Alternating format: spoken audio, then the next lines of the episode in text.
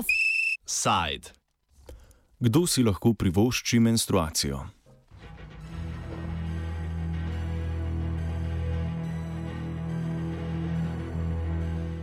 Nemški parlament je sprejel pobude aktivistk in civilnih inicijativ in znižal davek na dodano vrednost za higijenske izdelke za menstruacijo z 19 odstotkov na 7 odstotkov. Nova davčna ureditev bo začela veljati s prihodnim letom. Spomnimo, da je podoben poskus spremembe davčne zakonodaje leta 2016 v slovenski parlament uložila takrat stranka Združena levica. Predlog je predvidel znižanje davkov z 9 oziroma z 22 na 9,5 odstotkov, torej splošne stopnje DDV-ja na znižano, a ga je slovenski parlament večinsko zavrnil. Slovenija tako ostaja na šestem mestu evropskih držav z najvišjimi davki na higijenske izdelke za menstruacijo. V prvem delu današnjega offsajda se podrobneje posvečamo problematiki higijenskih izdelkov za menstruacijo v Nemčiji in Avstriji, v drugem delu pa se osredotočamo na Francijo, ki je sicer že pred leti znižala davke na omenjene izdelke, a se nekatere skupine žensk v Franciji še vedno soočajo s slabo dostopnostjo izdelkov.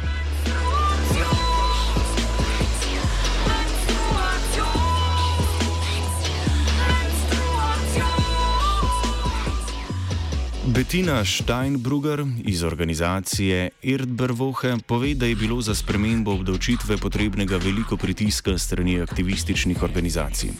Tako je denimo peticijo za znižanje obdavčitve podpisalo 200 tisoč ljudi, znižanje obdavčitve pa je sedaj sprejeto. To pomeni, da bo od januarja 2020 cena izdelkov nižja, a seveda zgolj, če bodo prodajalci spoštovali znižanje in ne bodo dodatno zvišali cene neodvisno od davkov.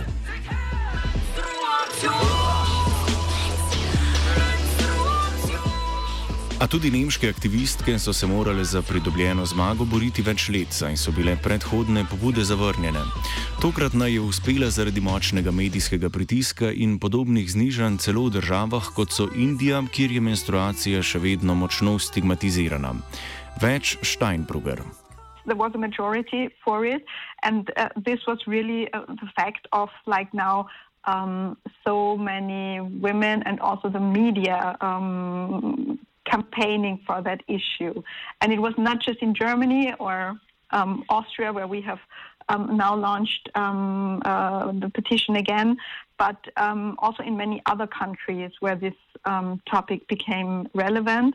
Several countries already um, reduced their tax. for instance, uh, the the most recent countries were Australia and even India. So you can imagine if a country like India, where menstruation is still a very big taboo, but if such a country um, recognizes the importance of um, reducing the costs of menstrual products for women, then uh, like really rich country uh, like Germany should do as well. And I think um, that was very relevant to many politicians in order to vote now for this reduction. Cena menstrualnih higijenskih izdelkov se sicer med različnimi znamkami izdelkov relativno razlikuje. Steinbrugger predstavi raziskavo, v kateri ugotavlja povprečne stroške izdelkov za ženske.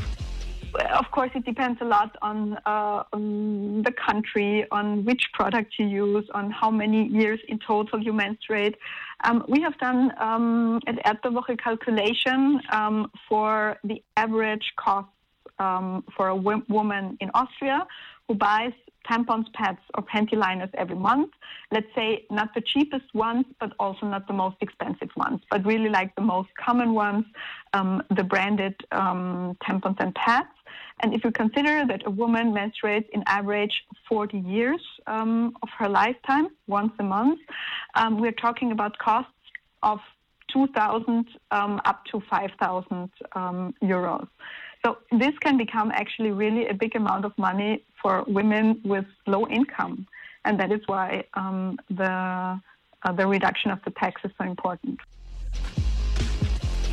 Ker so izdelki relativno dragi, revščina žensk povezana s stroški za menstruacijo v Nemčiji in Avstriji predstavlja problem.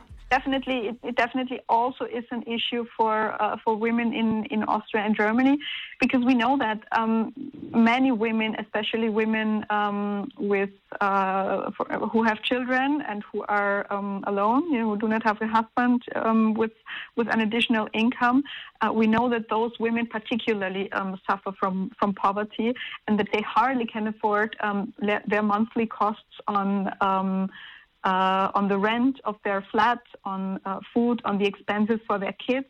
So menstrual products is really an additional burden for women. Nepravičnost tovrstne obdavčitve je še posebej očitna, če jo primerjamo z nekaterimi drugimi izdelki, ki imajo nižjo obdavčitev. Steinbrugger predstavi podatke za Avstrijo. In Avstriji imamo 20% um, standard tax on almost all the products. So actually, it's not a luxury uh, tax, but it's like the standard tax where um, most of um, the products, whether uh, it is uh, clothes or um, electronic devices or whatsoever, are taxed with. Then we have a reduced tax in Austria of 10%, and under this tax um, fall, for instance, um, food products. So that means products you really need for um, well for surviving or for, which are really basic needs.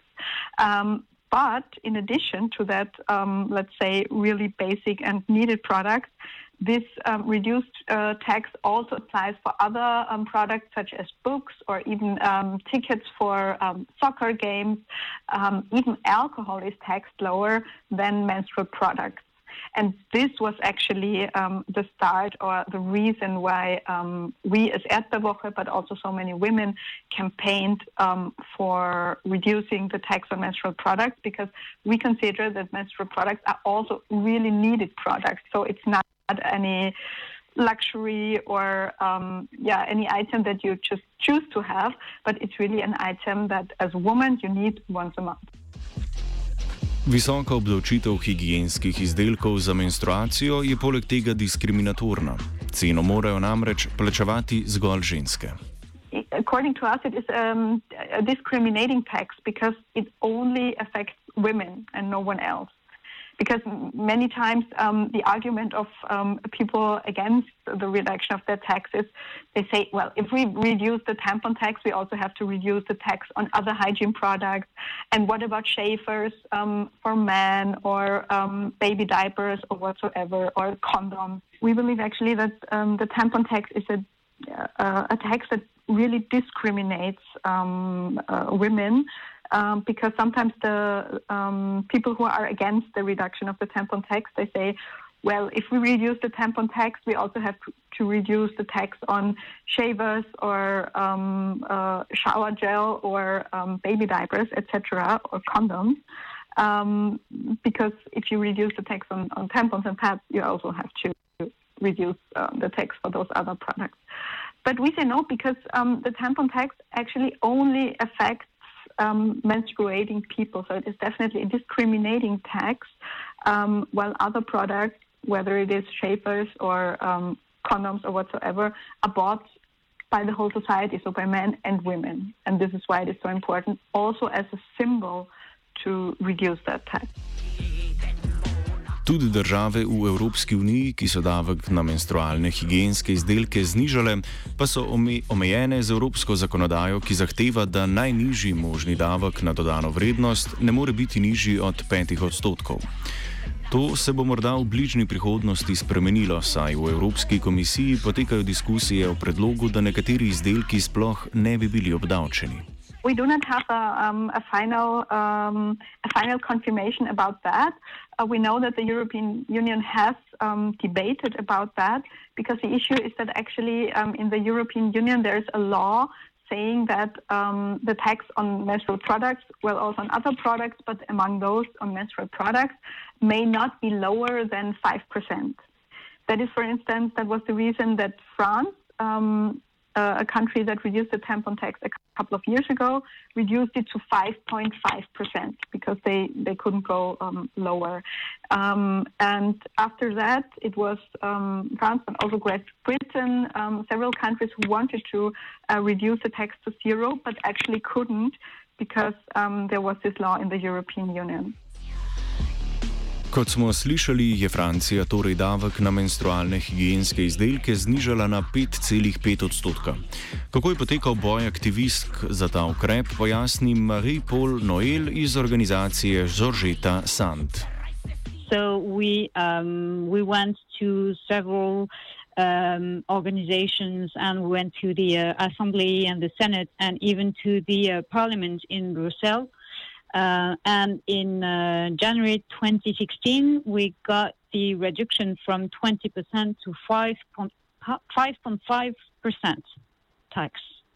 So it's been three years now, over three years actually. So it's good. Uh, we tried to check if every single, you know, place where they would sell the products would respect the tax well, mainly they do, but you still have some places where they can sell a tax of a, a box of uh, tampons for like 10 euros. For example, like um, in a pharmacy, they do that still, but you can, you know, find very cheap products um, like low cost. I mean, uh, we we'd love actually we're happy with the 5.5 percent, but we'd love to. Uh, reduce it to two percent, which is the same as uh, condoms, uh, and the um, so it's it's it's good now. So hopefully we can um, do the same with the um, uh, for the uh, incontinence pro- uh, products. You know, when you're getting older, so it's uh, it's the twenty percent tax. Kljub temu, da so se v organizaciji s trenutnim davkom relativno zadovoljne, pa v Franciji ostajajo nekateri problemi v zvezi s higijenskimi izdelki, ki se jih še vedno ne morejo privoščiti vse ženske.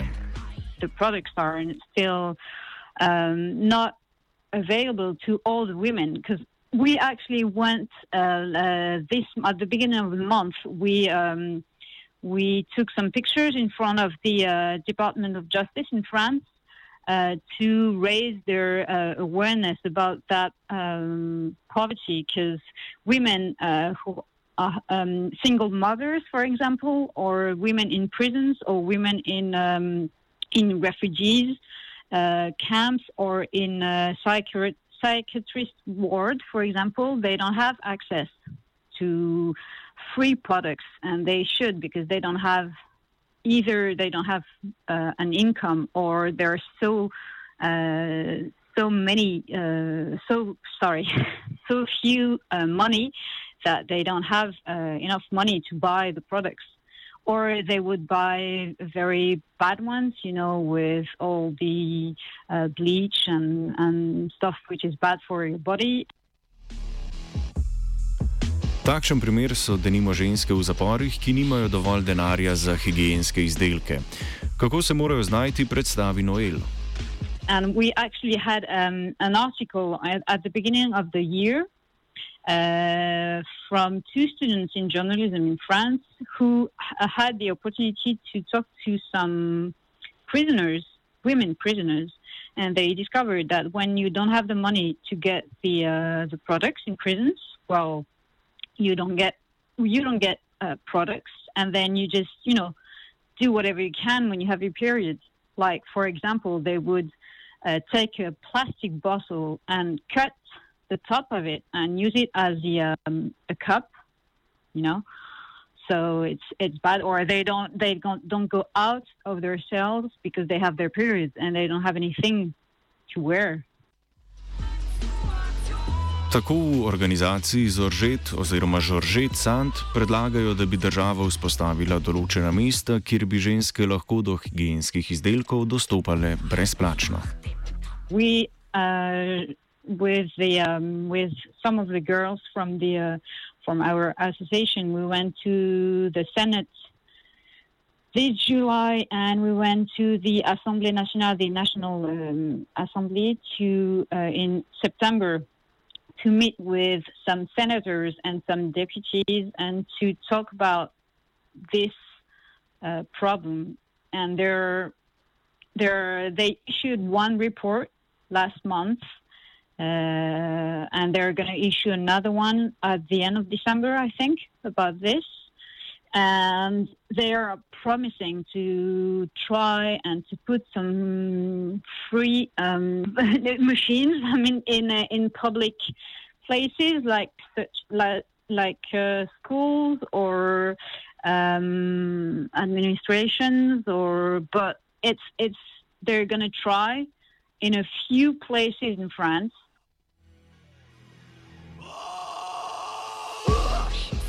Noel kljub temu skrbi, da izdelki, ki bi jih brezplačno razdeljevali, ne bi bili dovolj kvalitetni.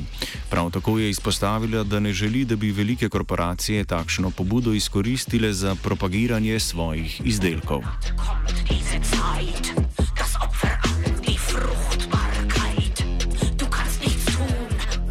Od tovrstnih ukrepov smo v Sloveniji še daleč. Še vedno namreč velja 22-odstotna obdočitev higijenskih izdelkov za menstruacijo.